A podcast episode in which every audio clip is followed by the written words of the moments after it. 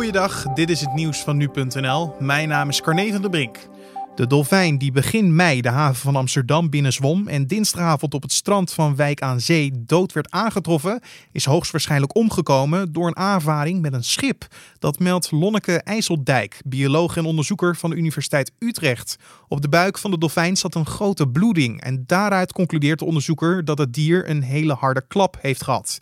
We gaan er niet vanuit dat de dolfijn lang met een trauma geleefd heeft. We denken slechts enkele minuten, al dus de onderzoeker, die aanneemt dat de dolfijn een aantal dagen geleden om het leven is gekomen.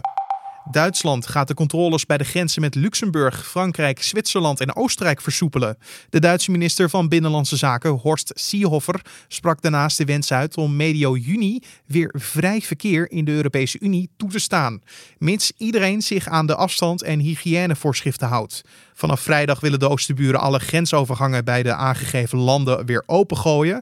Tot 15 juni worden de grenscontroles gehouden, maar deze worden wel veel minder intensief. Seehofer kondigde geen verandering ten opzichte van de grens met Nederland aan. Het menselijk strottenhoofd dat gisteren in een kringloopwinkel in Zwolle werd ontdekt, blijkt een preparaat dat werd gebruikt bij scholing. Hierdoor is een misdrijf uitgesloten voor de politie. Het strottenhoofd werd in 2003 gebruikt voor de scholing van artsen in het regioziekenhuis Isala. Het strottenhoofd werd in 2003 gebruikt voor de scholing van artsen in een ziekenhuis. Medewerkers troffen het strottenhoofd aan bij het opruimen van ingeleverde spullen. De doos was voor de kringloopwinkel achtergelaten. En zij hadden als reactie gelijk de politie ingeschakeld. Maar na inspectie hebben zij het onderzoek afgesloten.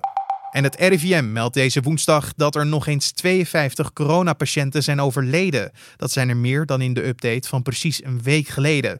Toen werden 36 sterfgevallen gemeld. Verder ligt ook het aantal nieuwe ziekenhuisopnames met 52 hoger dan een week geleden. De cijfers passen nog altijd bij het beeld dat de maatregelen tegen het coronavirus een positief effect hebben. En het RIVM meldt wel dat de werkelijke aantallen hoger liggen, omdat niet iedereen wordt getest op het virus. En tot zover de nieuwsupdate van nu.nl.